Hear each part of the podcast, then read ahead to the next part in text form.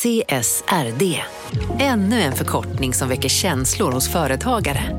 Men lugn, våra rådgivare här på PWC har koll på det som din verksamhet berörs av. Från hållbarhetslösningar och nya regelverk till affärsutveckling och ansvarsfulla AI-strategier. Välkommen till PWC. Upptäck hyllade XPeng G9 och P7 hos Bilia. Våra produktspecialister hjälper dig att hitta rätt modell för just dig.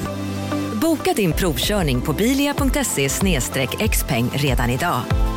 Välkommen till Bilia, din specialist på XPeng. Ja, Hallå? Pizzeria Grandiosa? Jag vill ha en Grandiosa capriciosa och en pepperoni. något mer? Med kaffefilter. Ja, Okej, ses samma. Grandiosa, hela Sveriges hempizza. Den med mycket på.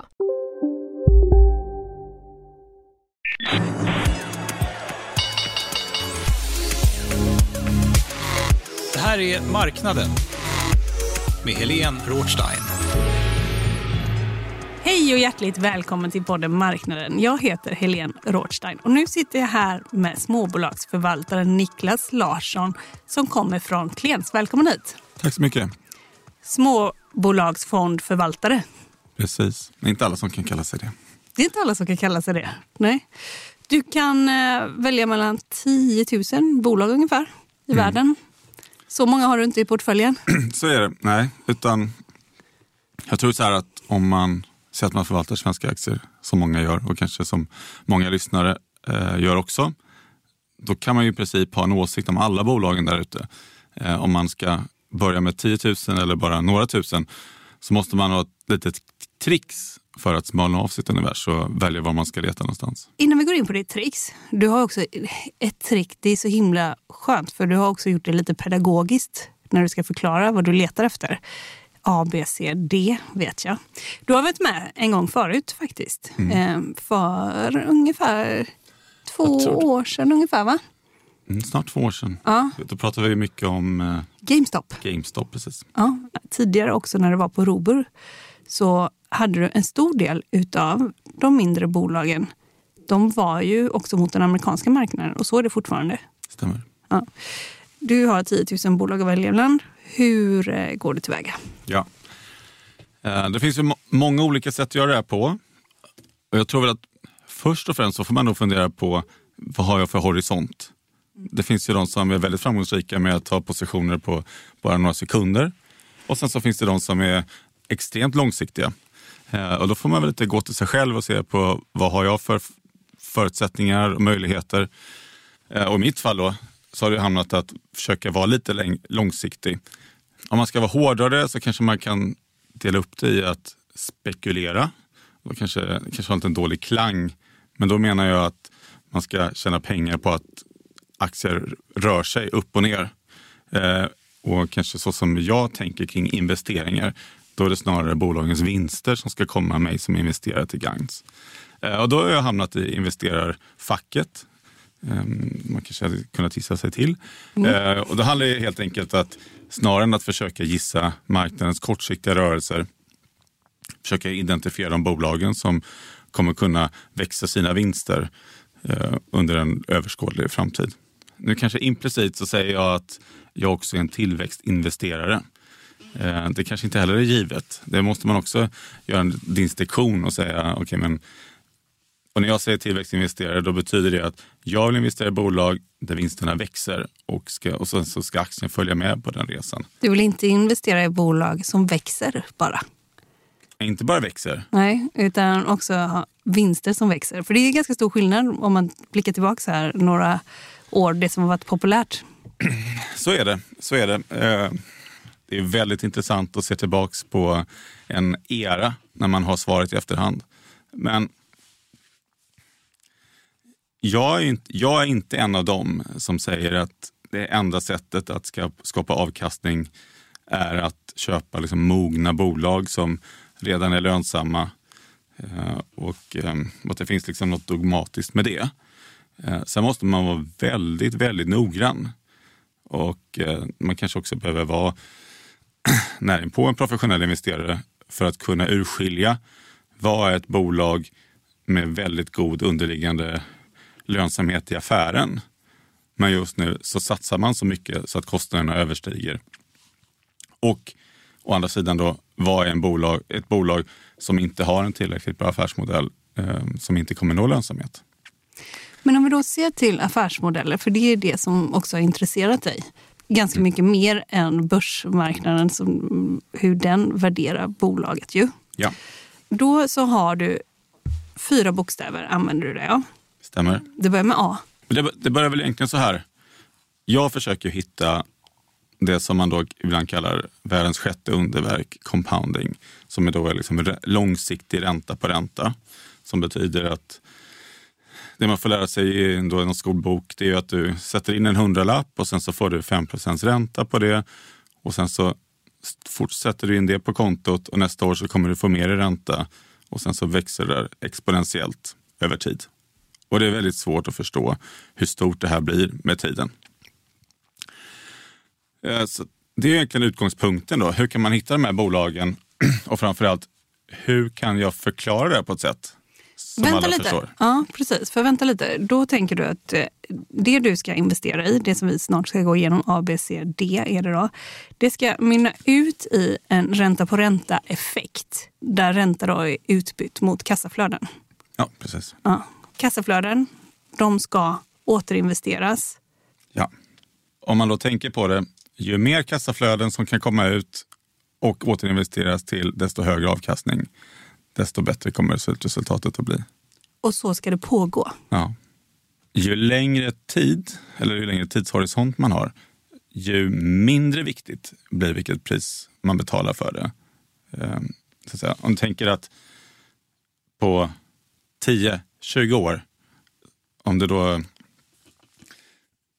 om, man, om man drar ut den här tangenten så kommer vinsten vara så mycket mer värd.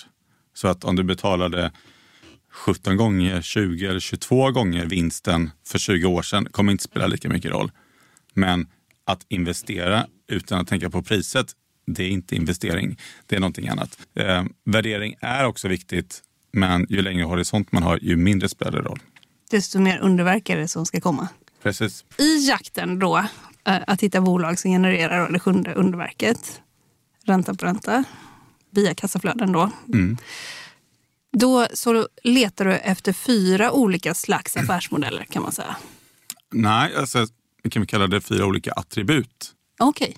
Ja. Eh, Och sen är frågan då, kan man hitta allt i varje, bo- varje enskilt innehav? Eh, Kanske inte. Ehm, Men det är liksom fyra olika checklist som är för att få till de här, vi kallar det då ränta på ränta-effekten. Jag höll på att säga räntesnurra, men det är något helt ja, annat. det är något helt annat. Ja. Men då är det att alla de här fyra att föredra. Så att om man tittar på dem, många av de här vad vi kallar stora framgångsrika bolagen som finns idag.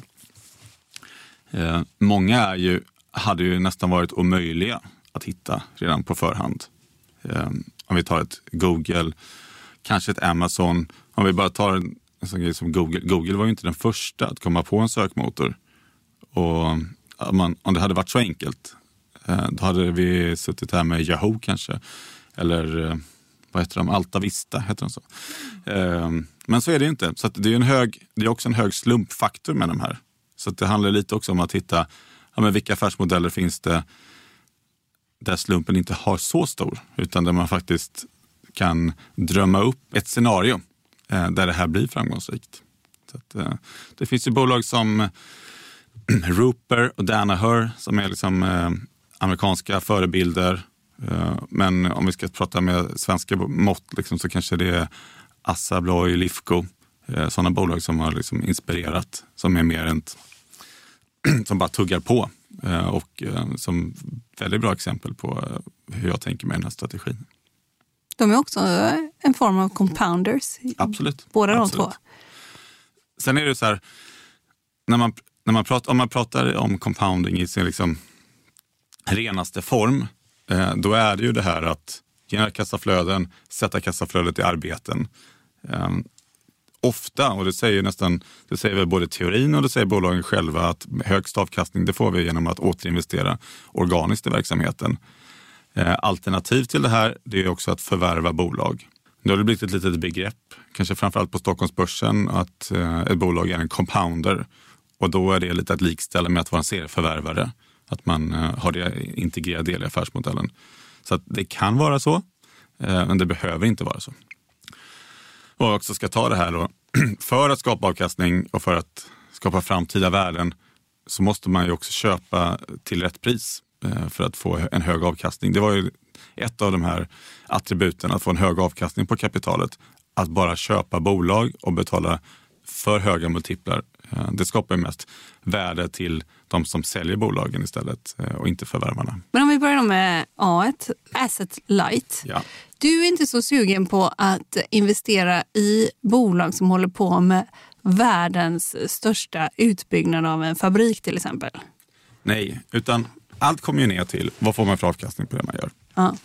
Men om du har en eh, vi kallar det kapitalintensiv verksamhet, då, då går det ju åt mycket kapital till Eh, bara liksom den här, den här vanliga tillväxten som finns i en verksamhet. Eh, Ponera att du har ett bolag som organiskt sett kanske växer 4-5 procent. Eh, det kanske är både högt och lågt räknat. Men om det då i den verksamheten är en väldigt låg avkastning på kapitalet, så för att växa 5 procent så måste du också öka dina investeringar med lika mycket. Ehm, eller liksom, så att det finns 10 procents avkastning på kapitalet. Då ska du investera 50 för att kunna få en vinst på 5. Ehm, om du istället har en verksamhet som svänger vi också med svåra ord, men inkrementellt. Så att säga, härifrån, hur mycket behöver vi fortsätta investera för att få ytterligare fem eller tio eh, tillväxtvinster eh, eller kronor? Då finns det de verksamheterna där du i princip inte kräver någon, några mer investeringar eh, för att fortsätta växa. Om man då istället kan ta de pengarna och växa kanske inorganiskt eh, på något sätt så kan man liksom göra både och. Om verksamheten som den är redan kräver mycket kapital, då blir det inte så mycket kapital över till tillväxt. Har du något exempel där på case? Som inte är kapitalintensiva? Ja, ja, som du tittar efter. Nej, men om, vi, om vi bara lyfter ut dem så de allra flesta mjukvarubolagen eh, som ju i princip man trycker Ctrl C, Ctrl V och så har du sålt en mjukvarulicens till och du har inga ökade kostnader i princip eh, och väldigt, nästan inga investeringar heller. Du kanske till och med får betalningar, eh, förskottsbetalning. Skalbara. Skalbara, precis. Så att, eh, de kan ju ha sina andra utmaningar, men eh, just när det gäller skalbarhet och kapitalintensivitet eh, så är det ett utmärkt exempel. Och om vi då säger som du själv investerar i, för du har inte så många mjukvarubolag kvar, eller hur? Nej, jag hade ju det så att säga. Ja. Du var på Robur innan och du var där länge. Du var där 13 år eller? Ja, nästan ja. 13 år. Ja. Och, så jag var i Robur nästan 13 år och sen då förra sommaren egentligen så bytte jag då till Kliens. Och då på Robur och lite innan eh, här på Kliens också så hade du fler mjukvarubolag. Ja. Och, Vad hände?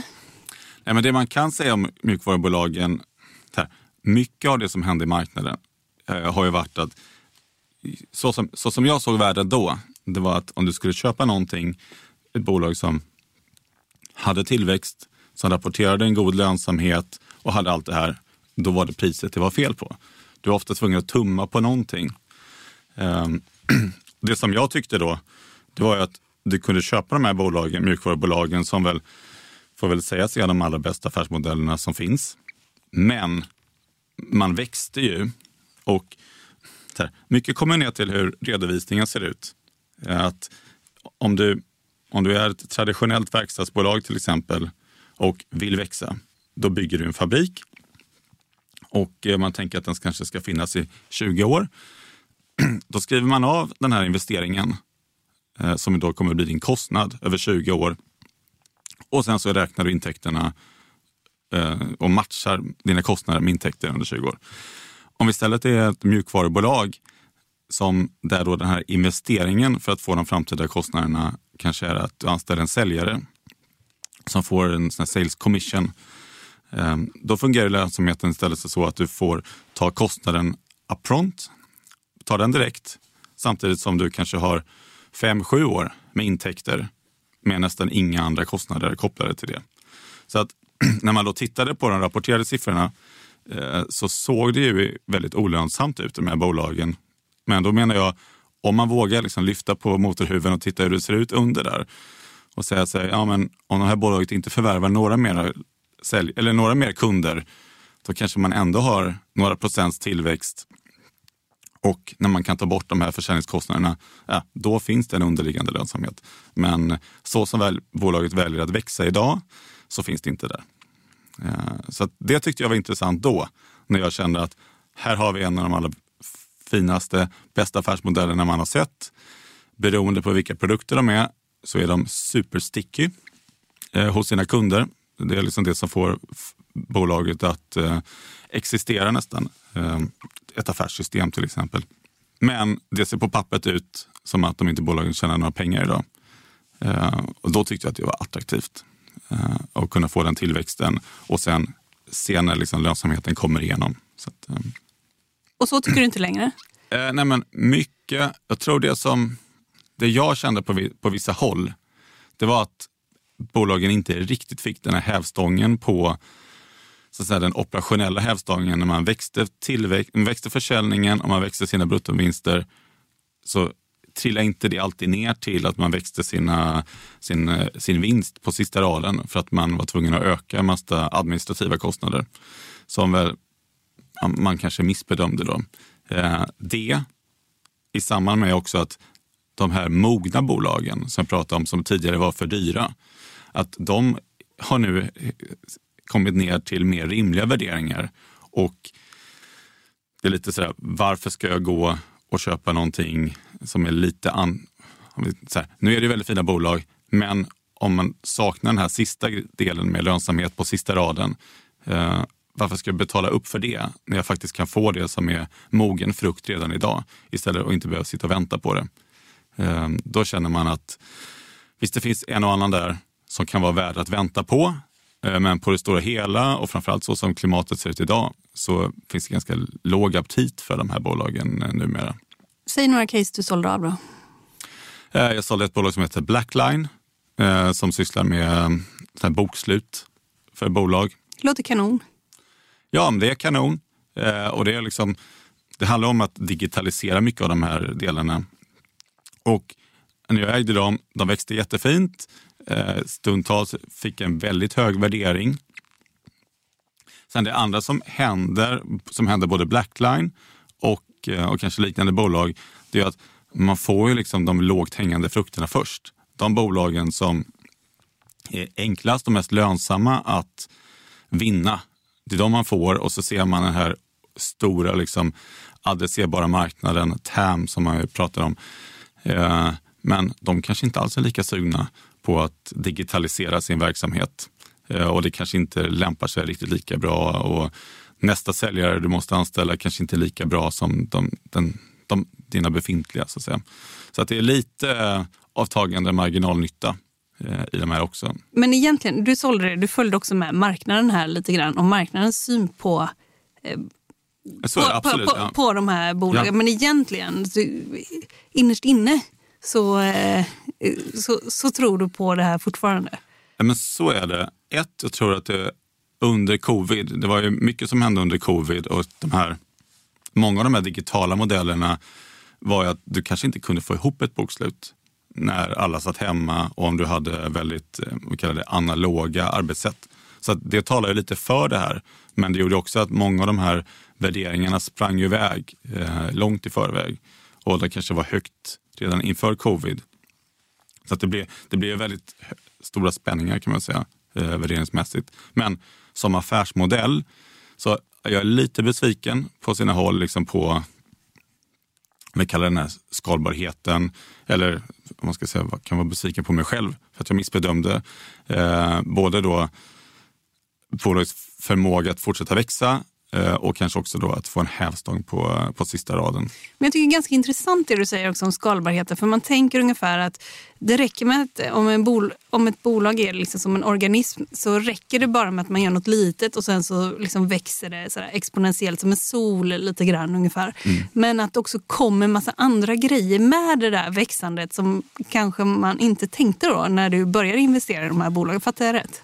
Så är det. Och här, vi är ju inte i en statisk miljö utan det räcker ju att någon annan ser att men det där är intressant och man kanske har liksom någorlunda närliggande verksamhet. Så, men vi kanske också ska lansera en produkt där.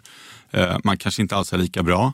Man kanske, den här konkurrenten kanske bestämmer sig vi måste ta en kund bara för att visa våra investerare att våra investeringar börjar bära frukt. Och då prisar man ner sig och det innebär man kanske som förstör en marknadsplats. Eh, och liksom bara någon är där och rör till helt enkelt. Så att eh, världen eh, ter sig sällan som på ett Excel-blad eh, där allting är rakt och snyggt och sådär. Så att, För du pratade innan, så tänkte jag då. Och jag tänker att det inte är så länge sedan du tänkte så här. Nej, absolut inte. Det här var ju, det här var ju ett år sedan. Ja. Så då har jag hunnit, så här, då har hunnit hända saker både liksom i bolagen Eh, men framförallt i marknaden och liksom hur marknaden ser på de här tillgångarna. Så att eh, det är väl andra, när man tittar och tänker kring affärsmodeller, hur mycket är jag som faktiskt tycker annorlunda och hur mycket låter jag mig påverkas av hur den här grafen ser ut som jag tittar på. Så att, ehm, men rent så att säga, fundamentalt, det gör ju väldigt stor skillnad i vilken räntemiljö de här vinsterna som de här bolagen ska tjäna långt i framtiden, eh, vad de är värda idag. Om räntan är närmare noll eller om den kanske ska vara upp till 5% som man pratar om idag. Om vi tänker på asset light, de är också här för att stanna. Jag pratade med en annan eh, fondförvaltare som drar igång nu snart, Oskar Karlsson på Enter Fonder.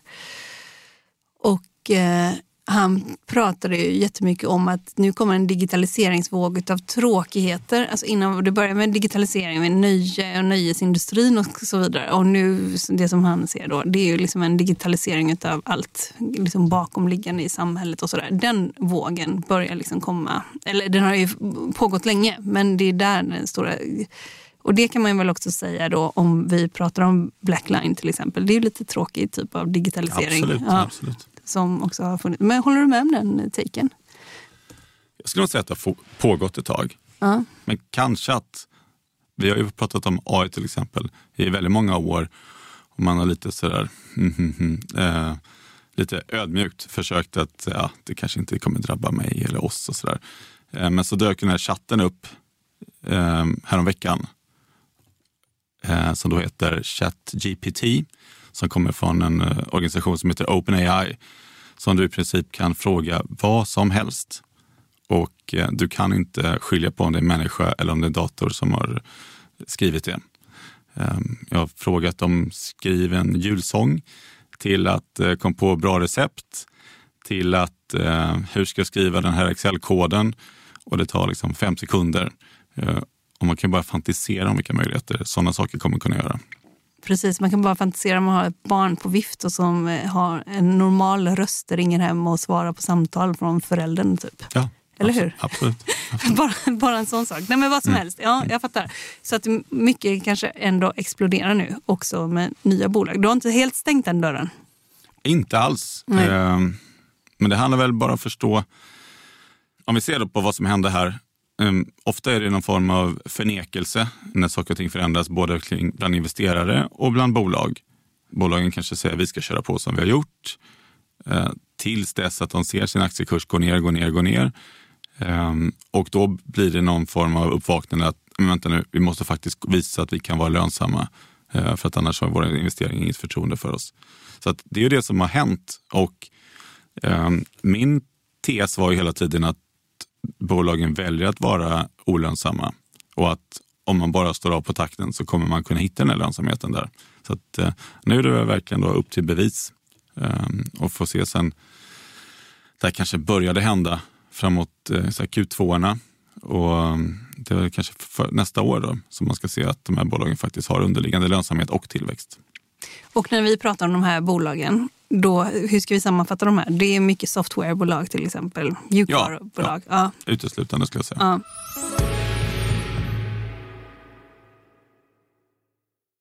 Marknaden sponsras av SPP, pensionsbolaget. Eh, förra gången pratade vi lite om ITP. Och som en kort repetition så, så var det ju 70-tal, arbetsmarknadens parter bestämde att alla tjänstemän ska ha en tjänstepension. Man kom överens om vilka villkor som ska gälla i den här pensionen och så kallade man den för ITP. Så jobbar man idag som tjänsteman i ett företag med kollektivavtal, då har man förmodligen den här pensionen, ITP-pensionen. Eh, och det är ju så att man kan påverka eh, den här pensionen, hur den är placerad. Vart femte år så gör nämligen Collectum, som de heter, en enorm upphandling där olika pensionsbolag kan ansöka om att få förvalta eh, de här pensionerna. Och SPP är ett av bolagen som valdes ut i den senaste upphandlingen. Och sen kan du som pensionssparare välja eh, vilket av de här olika pensionsbolagen som, som då ska få ta hand om dina pengar. Och tanken med den här upphandlingen är ju att liksom kvalitetssäkra de här olika alternativen eh, men också att förhandla fram stora rabatter så att pensionsspararna ska få ja, kunna spara pengar genom att avgifterna eh, som är så viktiga eh, blir eh, lägre. Och vill man välja någonting i ITP-systemet då finns det en relativt ny sajt som heter avtalat.se. Ehm, där kan man gå in och se hur sin ITP-pension är placerad. Jag gjorde det häromdagen faktiskt. Ehm, idén är att hälften av pengarna alltid ligger i något som kallas för traditionell försäkring. Det här gjorde vi ett avsnitt om i podden Kapitalet nyligen eh, som vi kallade världens bästa sparform. kan man lyssna på om man är intresserad. Eh, den andra halvan eh, den kan man också lägga i en traditionell försäkring eller så kan man placera det i något som kallas för fondförsäkring. Eh, SPP som sagt eh, var ju ett av de fåtal bolagen som valdes ut i den senaste upphandlingen och de finns med som alternativ både med en traditionell försäkring och med eh, fonder.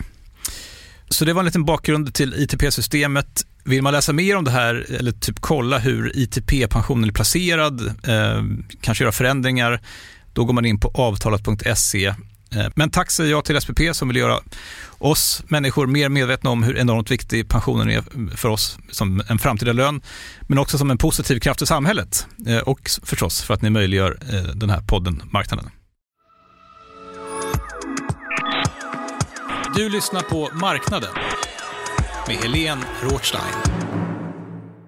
Sen om vi går över till nästa då, som du har då A, B, C, D. Om vi tar då B. B står då, det är engelska, och då heter det Bolton Acquisitions. Och det är tillväxt, tilläggsförvärv. Det passar ju bra med B, ehm, just med Bolton, men det är ju den här investeringsdelen då. Att eh, kassaflödet som du genererar, det ska du ha någonstans att stoppa. Eh, som sa, en förutsättning är att du genererar kassaflöde, men det sämsta du kan göra det är att investera i någonting som inte ger någon avkastning alls, eller väldigt låg avkastning. Eh, då är det bättre att ge tillbaka det till aktieägarna. Det behöver heller inte vara dumt eller dåligt, men eh, det är mycket bättre om du kan investera till en hög avkastning.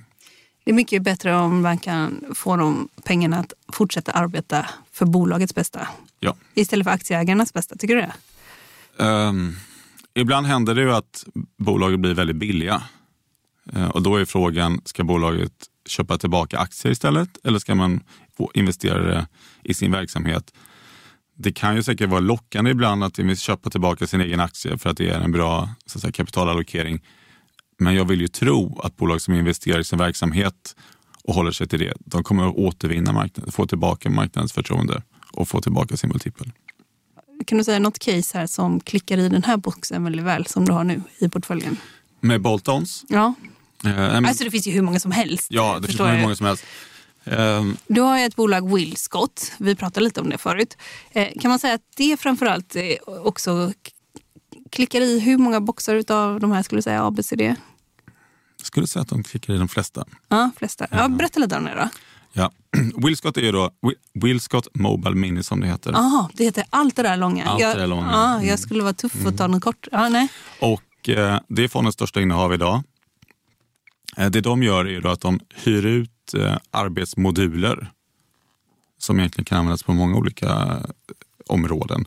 Men det här liksom infrastruktur, större byggen är ju den största exponeringen. Så att Willscott hyr ut till ett bolag som Skanska till exempel, som har ett stort byggnadsprojekt någonstans i USA. De kanske behöver bara ta någonting, 20 baracker för att bygga tillfälliga kontor och uppehälle eh, för de som arbetar där. Eh, det är Willscott-delen. Och sen har man också då Mobile Mini, att man har liksom mer verktygsbaracker eh, som också finns på arbetsplatsen när man förvarar verk eh, verktygen. Ehm, genomsnittliga uthyrningstiden i portföljen är på ungefär 30 månader. Så att förhållandevis um, god visibilitet, förutsägbart. Och det är en av mina bokstäver, den C, som är ett, egentligen På engelska heter den compounding men egentligen försöker den syfta till att man har väldigt förutsägbara intäkter. Det handlar om att hitta de här, inte att det ska bli de här slumpmässiga utan att på ett ganska förutsägbart sätt kan identifiera sådana här eh, framtida vinnare. Så att den är förutsägbar. De är klart störst på det de gör eh, i USA och det finns fördelar med att vara en nationell spelare. Eh, vilket gör att du kan egentligen, det kanske är en jättestark marknad i Kalifornien som sen dör. Då kan du sen flytta dina, de här lådorna till, ett, eh, till södra Florida till exempel. För att det är en stark marknad. Eh, man är leverantör till PGA-touren som ju flyttar runt sin verksamhet varje vecka till olika ställen. Eh, framförallt i USA. Och ja, då, det blir fördelar med att vara nationell. Eh, sen möter man regionala spelare, men man, man skapar sig skal, en skalfördel helt enkelt. Har du varit inne i någon sån? Inte inne, utanför. Utanför? utanför Fick du inte in? Det var Eller? faktiskt på en eh, PGA-tävling som jag gick förbi utanför och um, såg den där. Men Ja, jag tänker det är lite så som en barackarbetsplats. Absolut. Och det fina är ju det här, liksom en stor del varför jag gillar det här är ju liksom tillväxtstoryn i det här. Inflation har ju varit ett jättehett ämne. Ehm, Jag har hört det också. Du har ja. hört det också. Ja. Problemet då, om du har ett bolag som möter inflation, ofta har det då att dina kostnader ökar med 5-10 procent och som man sen då som får kämpa med sina kunder att föra vidare till dem att de ska betala ett högre pris. Det är ju inte säkert att det blir jättemycket vinst kvar för att du helt enkelt räddar hem din befintliga vinst. Det som händer i Willscott-fallet, de har ju de här barackerna, de är redan byggda. Men när de höjer priserna på grund av den allmänna inflationen så är inte det förenat med några kostnader. Utan de intäkterna går ju ner till sista raden och blir vinster. Ja, om de inte får nya uppdrag och behöver nya då, eh, moduler. Om man behöver bygga ny, absolut. Ja, det det, det är ju bra ifall de får det också. Ju. Det är bra det också. Eh, Eh, men hur svårt är det att kopiera det här? Det känns som nästan jag hade kunnat göra det. Man tror ju det. Eh, och då är, det ligger väl någonting i det. Att på en väldigt liten Det känns lite Alfons Åberg. Mm. Eh, på en liten lokal marknad där du i princip har säga, tre, fem baracker som du liksom supporterar den lokala byggaren med. Det kanske inte skapar så mycket värde. Men om Skanska ringer och säger att de vill ha 50 baracker där, 70 där, 20 här. Då skulle jag ha att göra. Då skulle du ha att göra, precis. Ehm, så att, eh, Ja, ja. Du menar liksom, det tar tid verkligen. Alltså när man har blivit så här stor, när ingen konkurrent har kommit och blivit så, pass stor som dem. Eh, Då liksom, Du blir ju en, du blir ju en liksom, långsiktig partner till dina kunder. Eh, och om man, tittar på, om man ser till hela den här, ett helt sånt här bygge, det är också ett väldigt trevligt attribut att vara en väldigt liten del av en stor kaka. Alltså det är en väldigt liten del av kostnaden. Men om den inte finns på plats så ställer det till stora problem. Så att vara en, en pålitlig partner eh, med de här attributen är väldigt trevlig och ofta betyder det att du kan ta betalt för dina tjänster. detta som du sa innan då, att du är intresserad av förutsägbara intäkter. Mm. Är det därför som du också investerat i begravningsbranschen? Ja, precis. Den är ganska förutsägbar va? Den är väldigt förutsägbar. Framförallt tänker man ju på nedsidan. Eh, så att säga. Sen tyvärr, som vi då fick erfara under covid, så var det en överdödlighet. Så det var ju fler som dog. Um, och då är frågan, blir det nu liksom ett hack i kurvan på nedsidan? Uh, men på det stora hela så säger man ju det här med uh, death and taxes. Alltså döden och skatter är det mest förutsägbara här i livet. Och så måste vi säga då, så att vi bara riktar blicken åt rätt håll. Det var, jag var ju lite morbid där när jag gick över till den här frågan. Men eh, då, du har gått in i begravnings... Du har investerat i ett eh, begravningsbolag på den amerikanska marknaden. Stämmer. Det är ju lite viktigt att säga. Ja, eh, så att än en gång, marknadsledare, största spelaren. Vad heter bolaget? Bolaget heter Service Corp eh, och de finns i Dallas, men egentligen över hela, över hela landet. Och man då driver begravningsbyråer eh, på ett ganska decentraliserat sätt. Det är inte så att det står Service Corp på alla skyltar, utan det är knappt du vet kanske att det är Service Corp som äger den här. eh, om du kommer dit som kund. Om vi ser till den svenska marknaden så har vi då Mellby Gård med Rune och Johan Andersson. De har gått in och slukat flera små begravningsbyråer och så tävlar man ungefär mot en annan jättefonus. Kyrkan kastas in här också och i debatten och så att de också gav sig in i begravningsbranschen. Vi får se hur det slutar. Mm. Men ser man samma konsolidering på den amerikanska marknaden? Det skulle jag säga. Um, jag kan inte den svenska. Eh, jag ska inte säga att jag är expert, expert på den amerikanska heller. Jag är inte heller expert. Men, men det, är ett, det är ett tydligt tema det här med eh, mycket, så att säga, det man i USA kallar mom and pop businesses, alltså familjeföretag där du börjar närma dig ett generationsskifte. Och det är ju inte alla ungdomar eller liksom unga vuxna idag som drömmer om att hålla på i den här branschen.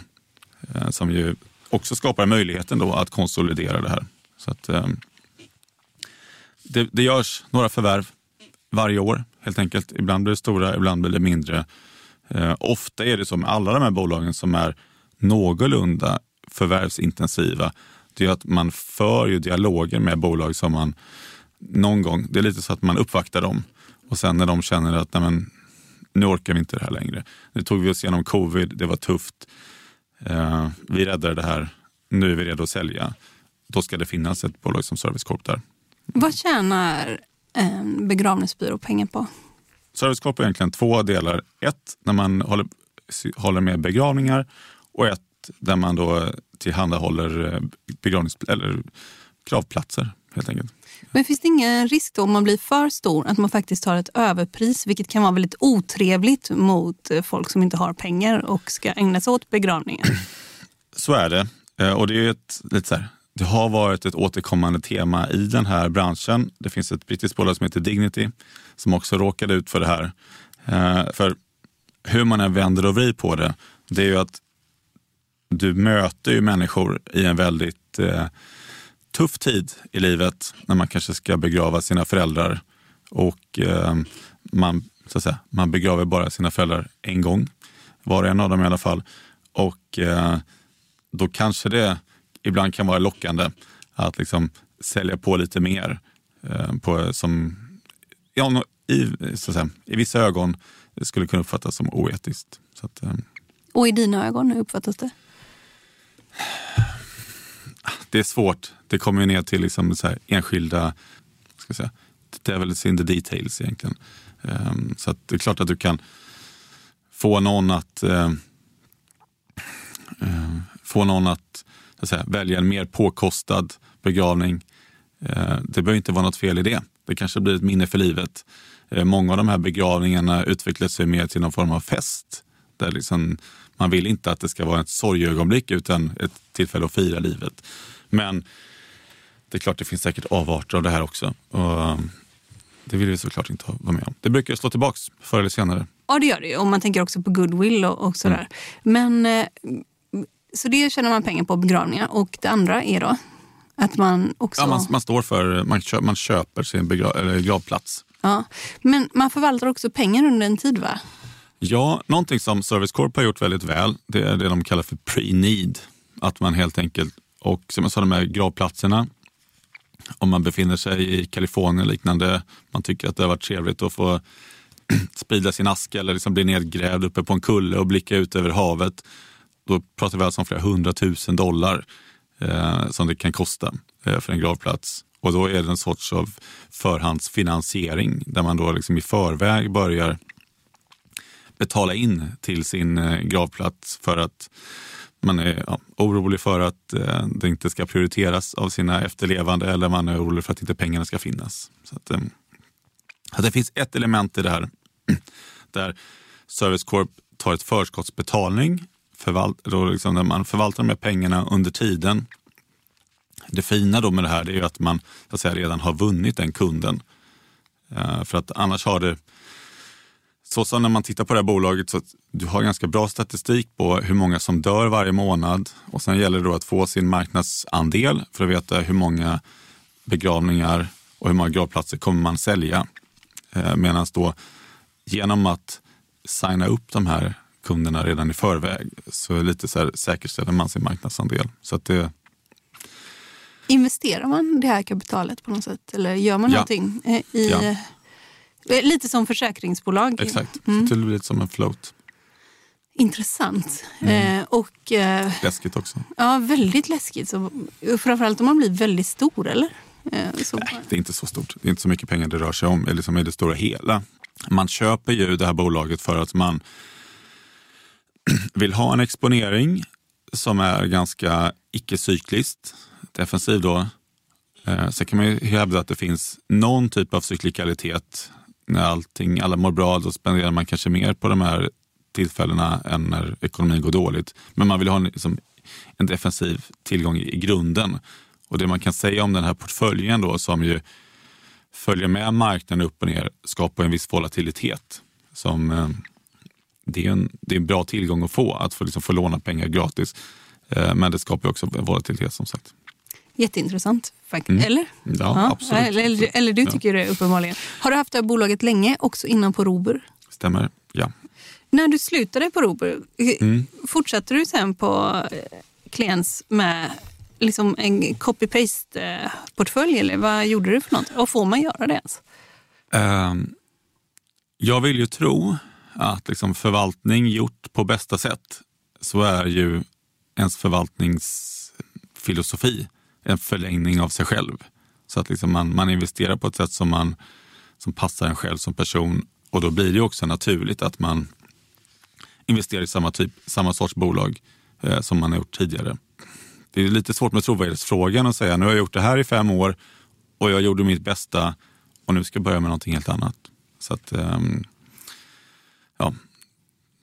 Att, li, li, li, lite härmar du dig själv? Absolut, absolut. Eller jag, Helt och hållet? jag är ju, jag, det är jag som är originalet så att säga. Så att, eh, jag, kan inte, jag, jag kan inte härma mig själv mer så att säga.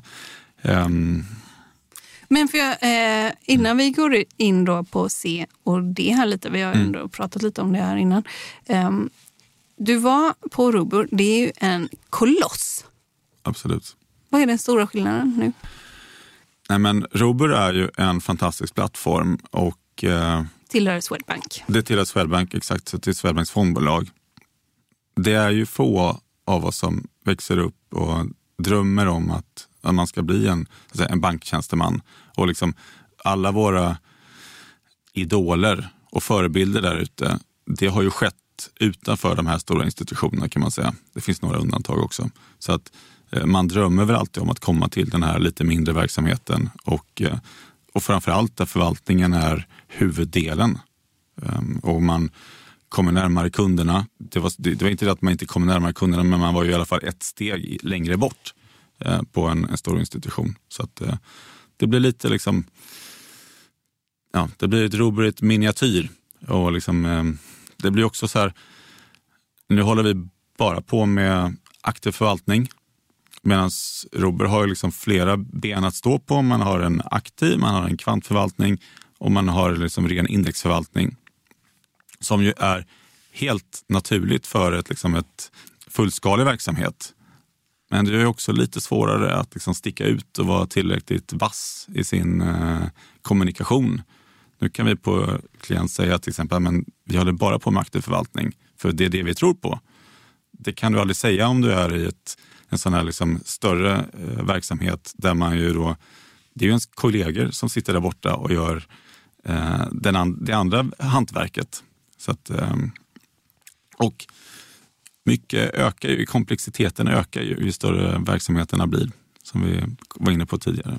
Men en otacksam grej är ju att du var också på Robur under en tid när vi pratar här om mjukvarubolag och liksom när man hittar globala bolag runt om i världen. Det gick ju liksom också hur bra som helst. Sen startar man en ny fond här. Lite i en fel tid, eller? Ja, det är få förunnat att få en, en, en bra timing i eh, de här typerna av bytena.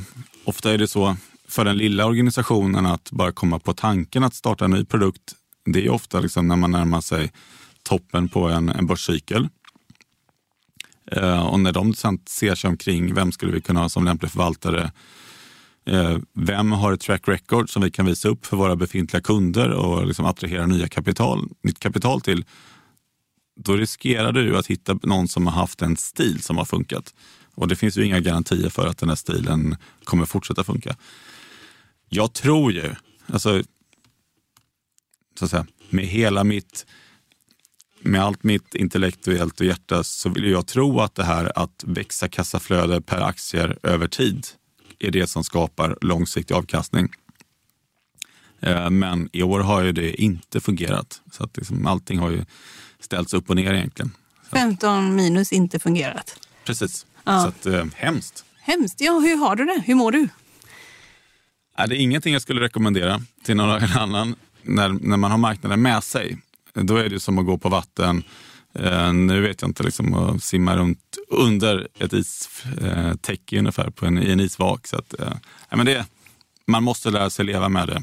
För nu är du ju närmare dina kunder också som du Ja. pratar om. Och eh, på ett annat sätt så kan man ju kanske gömma sig då om man är förvaltare i en större organisation. Nu kan du Ja. mindre gömma dig. Hur går dialogen när du träffar kunder och liksom, vad säger de?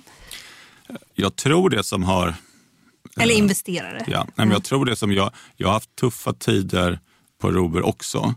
Eh, Men då kanske man har andra stakeholders. Det kanske är ens närmaste chef eh, till exempel, som liksom är den man, som man har, vars förtroende man har. Men att vara väldigt öppen med hur man tänker. Men också att redan från början ha varit väldigt öppen. Eh, Om jag säger till, vi har ju varit, jag har varit väldigt tydlig med ABCD till kunderna.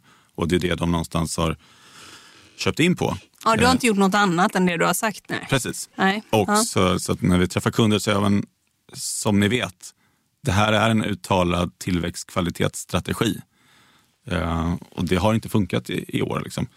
Eh, så att, Och tänker du då så här, eh, för nu sa du så här, innan så sa du, ja så som jag tänkte förut och så Mm. frågade jag, men förut är inte så länge sedan va? Tänker du eh, någonstans, ska jag börja tänka om här med saker och ting? Eller? varje dag är det Ja. liksom en... Ja, Eh, ja, ja. Spilla ut kaffe här. Ja. Men, eh, nej, men varje dag är det ju det. Om vi ska ta liksom det, dra det till sin extrem så är det ju det här liksom Warren Buffett. Han köpte sina de här cigarbutts, NetNets och allting, liksom de här riktigt billiga bolagen och sen så lyckades han kräma ut lite kassaflöden ur det där. Och så träffade han Charlie Munger och han ändå liksom berättade om det här att istället, ja, men det är bättre att äga de här kvalitetsbolagen som kan växa vin- vinsterna och liksom det, det gjorde ju ändå Buffett till den han är idag, att kunna ställa om där. Men det är precis som du säger, man får nog fundera till liksom, men vad är det jag de facto tror på? Eh, och sen får man tänka sig, vad är det som förändras i min omvärld och liksom, vilka, vilka kort får jag av marknaden? Och hur kan jag liksom, med mina eh, glasögon spela det här spelet? För du är en Munger kind of guy. Ja, men jag vill tro det. Ja, alltså, mer Munger än då den här liksom, deep value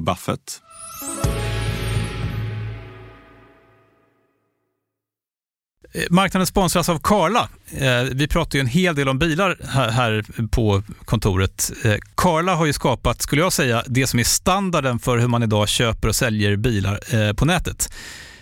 Kort bakgrund bara.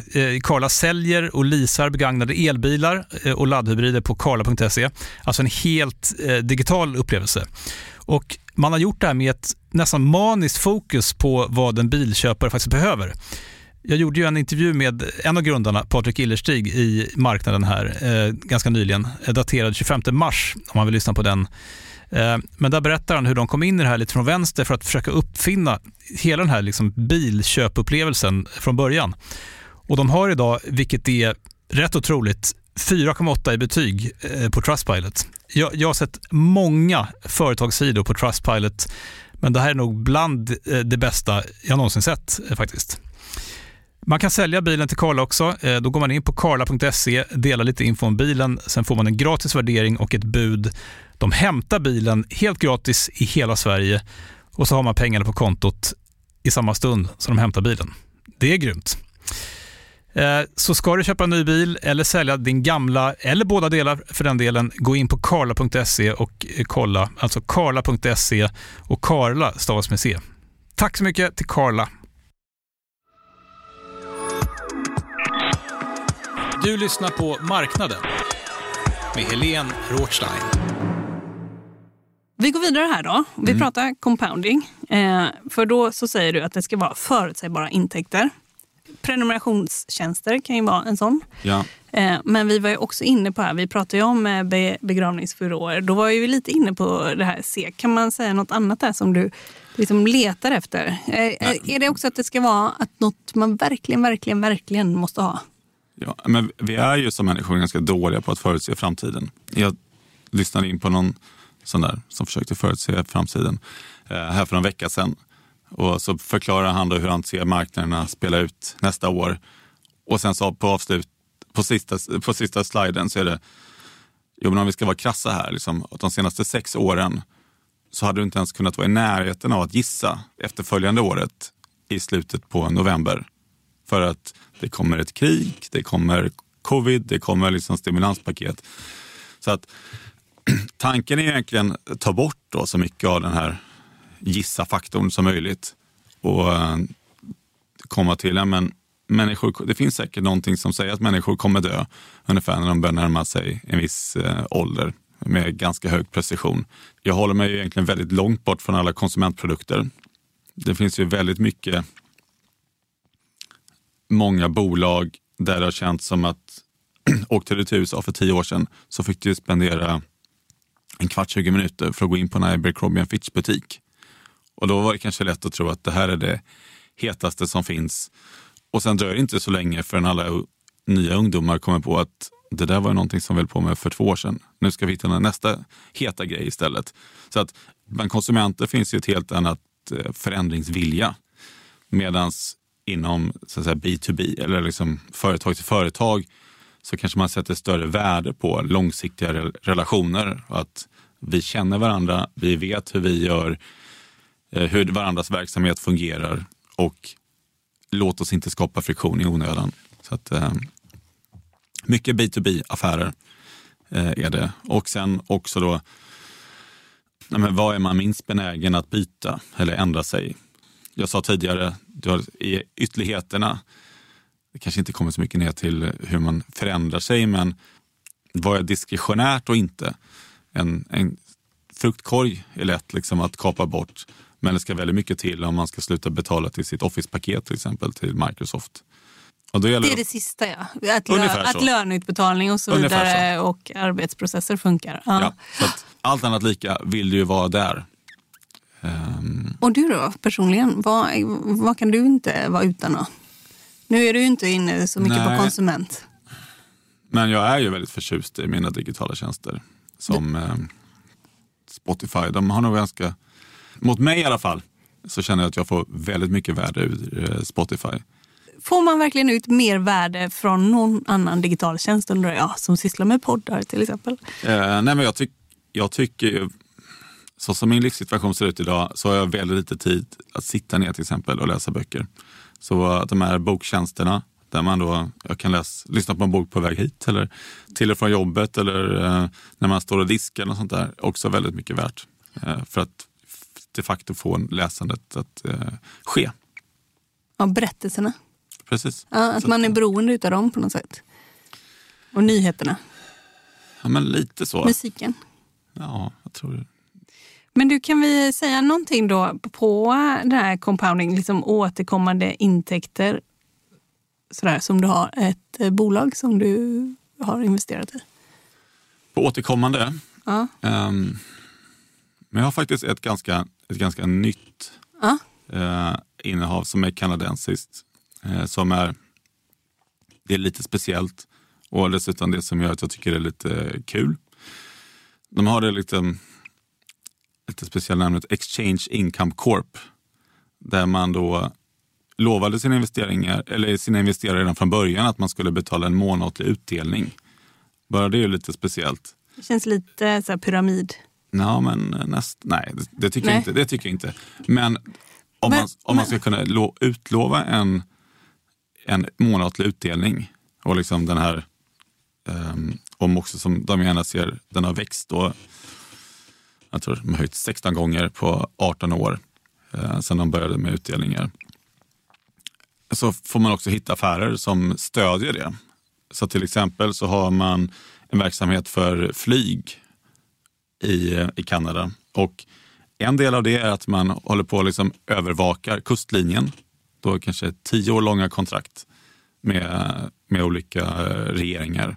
Man finns i Kanada men också på andra ställen i världen. Det är ju typiskt sett väldigt förutsägbara. Eh, man är lite standby ambulansflyg. Som är då, du får betalt bara för att finnas där om det skulle behövas.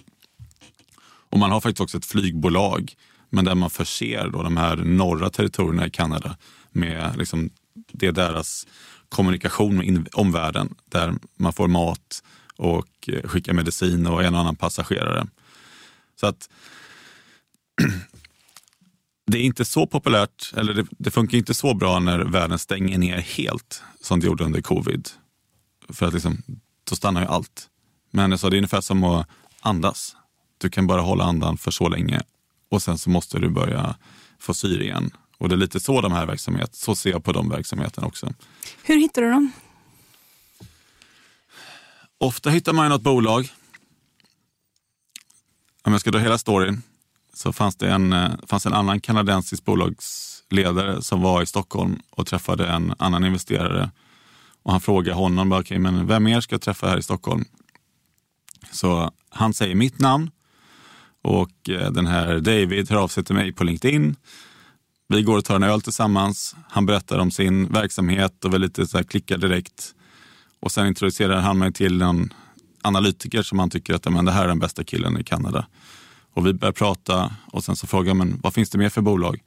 Och, och vi, liksom, vi pratar på samma våglängd, vi går igång på samma typer av affärer så att han vet vad jag gillar och liksom, då kastar han upp den här och jag känner bara, det här är fantastiskt. Så, att, ehm, så är det. Så att, eh, Investerar du i det första bolaget, Ölkillen? Uh, det är ett pytte, pytte, pytte bolag. Så att, uh, jag har faktiskt köpt en liten del privat, men det är, det är alldeles för litet för, för fonden tyvärr. Så att säga. Så att, ja, intressant. Det är ja. kul. De håller på med, de testar jord då, för att se hur mycket fertilizers, vad heter det på svenska? Alltså ja, kemikaliska ja, vi kallar det fertilizers, eh, hur mycket du ska använda. Och liksom jordar förändras så att du behöver ta ständiga små jordprov, jordprover och skicka in till ett labb. Eh, och det gör då det här bolaget eh, Devron. Men det är Ganska innovativt. Väldigt innovativt. Så att eh, de håller på och bygger ihop. Tidigare var det, du behöver labben, men du behöver också de här människorna som åker runt och är bästa kompisar med bönderna och får in då de här jordproverna. Privat är du mer inne på lite innovativa grejer än i fonden eller? Alltså jag har väl 90 procent av mina placerbara och finansiella tillgångar, det är ju fonden. Det gör livet mycket enklare. För då ställer jag mig själv frågan, är det här någonting jag vill äga? Då, då ska mina andelsägare också göra det. Eh, men sen så finns det vissa sådana saker som man, man bara känner en, tycker att det är en fantastisk idé. Man gillar den här entreprenören och man vill liksom lite, lite vara med på resan. Men det är så litet och det, det kan aldrig liksom, eh, få, få plats i en sån här liten eh, ja, i, i, en finansiell produkt helt enkelt. Får jag bara fråga, de andra 10 procenten, det kan vara att det är för små bolag eller är det något annat som du investerar i lite vid sidan av? Historiskt har det varit någonting eh, som jag äger i fonden och som jag känner jättestarkt för. Att man känner att okay, det här kanske är 5% i fonden som är liksom en någorlunda stor position. Men jag vill ha 15 procent av, av, min portfölj i det här. Liksom. Så, känns, så stort känns det. Så att, um, ja, Okej, okay, jag förstår. För man kan säga det, det som ni har i fonden det ska vara mellan 35 till 50 innehav. Ja, nu. precis. Ja, ja. Så då, det finns inget som Eh, när vi pratade här tidigare så mm, det största innehavet var 4,5. Ja. Och liksom mycket, så, mycket större än så blir det inte. Nej. Nej, ja, jag förstår. Vill du säga vilket du har extra mycket av själv då? Eh, det kan jag säga. Det är ett, det, har, det är där uppe eh, precis med Way Willscott. Eh, det är ett bolag som heter AMN Healthcare uh. som är ett säga, staffingbolag eh, inom sjukvård. Mm. Så att, um, är vi, det lite som Dedicare? Nej. Jag kan inte Dedicare. Ja. Uh, men som vi vet så blir ju framförallt den amerikanska befolkningen den blir ju äldre. Och när vi blir äldre så är vi i behov av mer sjukvård. Problemet är att de som jobbar i sjukvården, det tar inte så lång tid förrän, från det att de är arbetsför, från det till det att de arbetar i sjukvården kommer tillbaka som patienter. Så att de som, det blir ett ökande gap då mellan eh, de som jobbar och de som behöver vård helt enkelt. Eh, och då behöver man spelare som får hjälpa till då med ja, få in då tillfällig personal för att täcka de mest eh, akuta behoven. Och det är det Amen gör. Eh, tittar man tillbaks, jag vet inte om vi behöver titta fem, sex år, då gjorde man bara det här att man tillhandahöll då framförallt sjuksystrar men även läkare och ledningspersonal till att man har blivit mer strategisk med sina kunder och man är helt enkelt tagit över den här delen hos en sjukvård, att det är vi som löser det här. Eh, som ju gör att det blir en mindre volatil affär. Men eh, och det blir också, säg att tidigare så behövdes det tio stycken sjuksystrar eh, och då kanske AMN fick tre eller fyra av de där. När man själv är den som sitter inne och bestämmer vilka ska vi ta in, då kanske man kan ta sex eller sju av sina egna och så tar man de, de sista tre eh, från en konkurrent. Så att eh, det här var ett bolag som gynnades under pandemin. Men jag skulle också säga att den strukturella trenden med underskottet av personal inom sjukvården ökade för att det var många som helt enkelt brände ut sig och eh, gick därifrån. Eh, så att om något så har behoven accelererat ännu mer. Hur har den gått då i år? Ja, men nu är den nog kanske ner, jag skulle säga att den är ner 5-10 procent. Um, och de som är negativa på den här, det är att då, de här raterna är fortfarande högre än vad de var. Så här, AMN får en del av då den här liksom pengen som sjukvården måste betala till den här sjuksystern för att komma in och jobba som den annars inte hade tänkt. Eh, så att man är exponerad mot det här underliggande, de här raterna. Och jag tror den är fortfarande 70 procent över vad den var innan covid. Eh, den är ner 40 procent från de allra högsta topparna. Och den stora frågan är egentligen var, vad är den nya jämviktsnivån? Eh, så att jag tycker att det är en, den har mycket av, liksom, av mina attribut. Eh, och den är liksom billig. Då, runt, nu kanske den är 12-13 gånger vinsten. men just därför att det finns en, en annan vy. Att att ja, det här ska normaliseras helt enkelt. Att, Letar du efter tvillingar någonsin? Om du är på en marknad. Du har jättemycket mot USA fast det är en global fond också för det första. letar du tvillingar och varför så mycket i USA? Ja, jag letar tvillingar och det är nästan, det är lite det, det är min, det är min edge. Eller det jag, kan, det jag kan komma med. Att ha sett ett bolag lyckas någonstans och förstå liksom att det här är en bra affärsmodell. Eh, till exempel har jag ganska många distributörer. Eh, men det är lite en det... hack och spade-strategi. Ja. Och distributörer, du menar då? I distributörer så menar jag att du har en, en, eh, en marknad med väldigt fragmenterade leverantörsbas och väldigt många fragmenterade kunder som gör att det är inte lönt för dem att liksom alla ska ha en relation med varandra. Om det då istället är en spindel i nätet där som gör att du har relationerna med alla leverantörerna och alla kunder på andra sidan. Om du gör det med en hög service och tillgänglighet så kan du också ta ut ett högt pris för det. Och i Sverige då, om vi ska översätta det i svenska termer, vad, vad har vi då? Ja, men ett exempel är då Ahlsell som mm. finns inom byggvaruhandeln. Det finns ju inom många olika verksamheter. Du kan ju finnas inom eh, sjukvård, Eh, det kan finnas inom eh, du har ju matgrossister till exempel också. Så att eh, ofta där du just har de här relationerna med just fragmenterad på båda sidorna så ofta finns det ett värde för en spelare i mitten. Det blir lite åt ett, att du får skalfördelar. För att ju större du är, ju större rabatter får du från dina, kan du köpa in från dina leverantörer. Du kan hålla ett lägre pris till dina kunder som i sin tur genererar mer kunder och liksom så att det blir lite av ett eh, självspelande piano. Att, kan du nämna några case? Jag har ett bolag, vi ska försöka då hålla oss borta från, eh, från USA. Det finns egentligen två stycken bra europeiska distributörer kan jag säga. Eh, Den ena är ett, bolag, ett holländskt bolag som heter IMCD som då egentligen håller på med specialkemi. Och då finns det då de här stora tillverkarna av specialkemi som kanske är BASF eller Givaudan och liknande.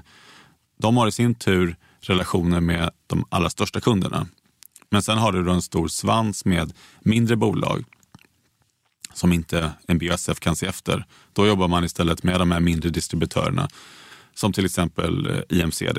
Så att IMCD använder de här specialkemikalierna och jobbar väldigt nära kundernas produktutveckling. Det kan vara en konsumentprodukt eller det kan vara en mer industriell produkt. Men bara för att förstå, ponera att det är en eh, ny läsk. Och eh, ska du göra en läsk så behöver du, du behöver tillsätta lite smak, du behöver tillsätta lite färg. Och man jobbar då nära det här Kolsyra. man kanske kolsyra. Det, det kan få de hitta på själva. eh, och jobbar liksom för att ta fram en ny produkt och nästan designar in Eh, sina kemikalier hos kunden. Och sen så tar kunden den här produkten till marknaden och sen då liksom, så fortsätter man att sälja de här kemikalierna så länge produkten finns egentligen. Så att, eh, det skapar ju det här, de är ju egentligen tekniska säljare kan man säga. Eh, man har leverantörer med de här stora kemi, kemibolagen som gör att man har tillgång till deras produkter. Och sen har man relationer med sina kunder. Och man egentligen liksom, man behöver inte tillverka någonting utan eh, det är bara vad säga, produktdesign någonstans eh, som det man håller på med. Ja, och sen så kan man förvärva sig in i nya nischer eh, för att liksom bli, bli bättre på, på det man gör eh, hela tiden. Så att, superintressant. Eh, drivs av några, då några äldre herrar i Holland som är väldigt konsekventa och liksom, eh, allt man önskar sig eh, från en bolagsledning egentligen. Eh, eh, ja, inte så mycket ska vi säga, skryt utan eh, leverans istället. Så att säga. Och annars då, om vi säger så, skulle vi nämna något till där? Ja, det finns ett bolag som heter Diploma, ett brittiskt bolag som också har gjort det väldigt bra, som finns i några olika vertikaler. Man dels lite och, och konkurrerar med bolag som AdLife, när man då inom eller medtech eh, säljer då, man kanske säljer en maskin och sen så är det mycket eftermarknad med consumables. Eh, man har en del där man säljer högteknologiska kablar och man har en del där man säljer packningar och liknande till stora gula mm, maskiner då, som Caterpillar och ja, vad det heter. Eh, så att, men det är egentligen samma typ av affärsmodell eh, som man driver i några olika, olika nischer helt enkelt. Kanske att man skulle kalla, kanske att man i Sverige kallar det, kallar det för handelsbolag.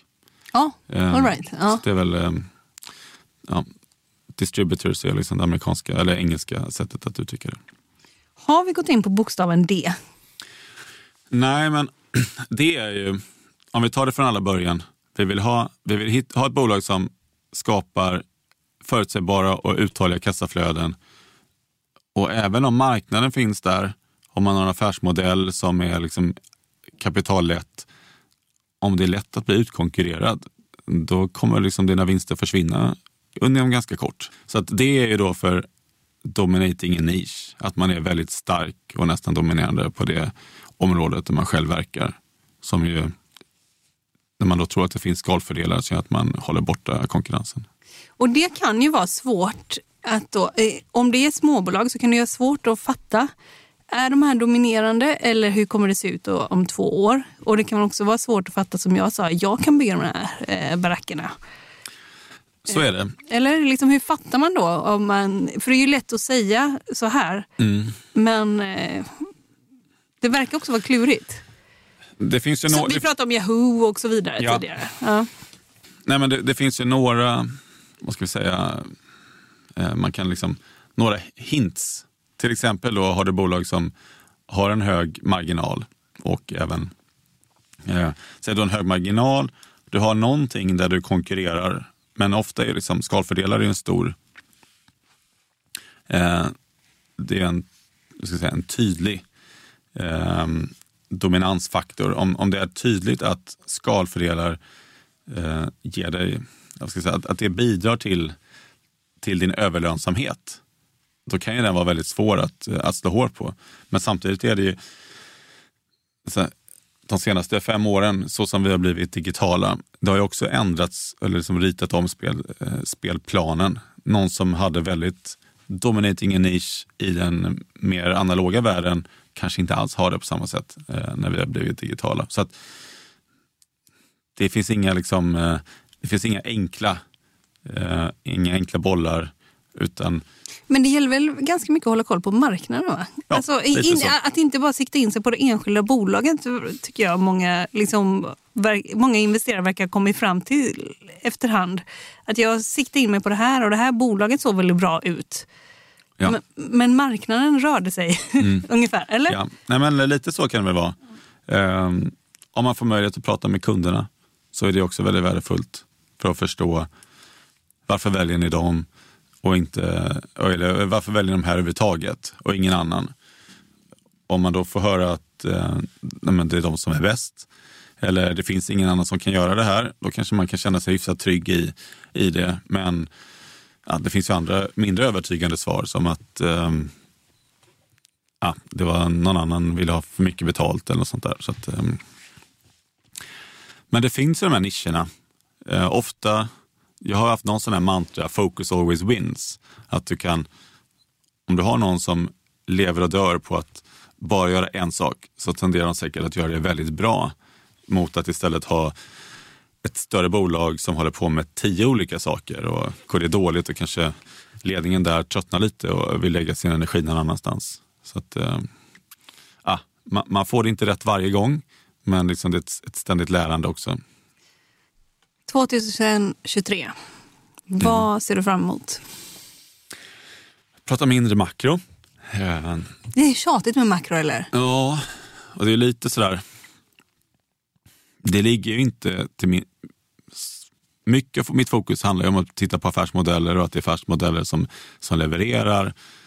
Eh, Men det har ju nästan inte spelat någon roll vad bolagen gör. Utan eh, man har ju bara, mycket har ju bara handlat om, är du tillväxtbolag, är du väl, väl, värdebolag, var är din aktie noterad? Är liksom, du kan ju ha din verksamhet någon annanstans, men om du noterar i Europa så, eller du noterar någon annanstans så är det det som spelar roll. Så att jag ser fram emot att makro, framförallt och faktorer, ska, ska sluta styra våra liv och att istället ska vara liksom de underliggande bolagen och vinsterna som börjar spela roll igen.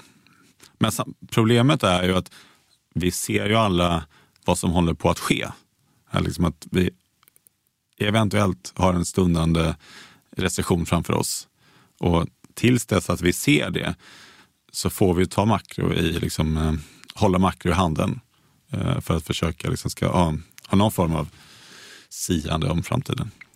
Och sista frågan som egentligen försvann där innan, det var varför så många amerikanska bolag? Är de bättre eller? Eh, ja, det är de. Så att säga. Tittar man på, på bolag och framför allt om man tittar på liksom tillväxtbolag så finns det ju ett annat tillväxtfokus på den amerikanska marknaden. Eh, det finns absolut eh, lite så att säga, gömda diamanter i Europa och framför allt här uppe i Norden. Men eh, det finns också väldigt mycket sömnigt om man tittar på ställen runt om i, på kontinenten. Så att eh, ja, men det, de har någonting, de här anglosaxiska affärsmodellerna. Och det är inte bara så att de är bra på finansiell eh, presentation, liksom, finansiell storytelling ungefär, som att de är bra på, det, på den Det är paketeringen. definitivt en risk. Liksom, att, eh, det, de är fantastiska säljare. Och liksom, Ja, men barn är ju hur bra som helst på att Ja. prata och Ja. eh, ja. Komma med ett budskap i USA. De tränas ju så in i Mm. det där. Ja, Eh, men ett, så här, till syvende och sist det håller ju inte. Nej, men till, sy till syvende och sist så har du en story och sen så har du siffror. Ja. Så att eh, väldigt mycket handlar ju om att du vill att de där ska rimma. Eh, men det är också svårt att, att gå igång på ett europeiskt bolag där du ser att de aldrig tjänat pengar. Eller så här, aktierna har inte rört sig de senaste fem, tio åren. De har ingen vidare lönsamhet och de har ingen vidare tillväxt. och det finns liksom ingenting att hänga upp det här på. Eh, det Ingen svårt. story. Ingen story. Nej, det ska inte bara finnas story, men Nej. när storyn backas upp av siffror, eh, då är det ju lätt att, eh, att man liksom vill vara där helt enkelt. Jag säger stort tack till dig Niklas Larsson, småbolagsförvaltare på Klients. Tack för att du kom till mig på podden Marknaden. Du har lyssnat på podden Marknaden med mig, Helene Rådstein. Vi ges ut av Monopol Media och ansvarig utgivare är Jakob Bursell. Och vi hörs hyfsat snart igen. Håll ut, hej då!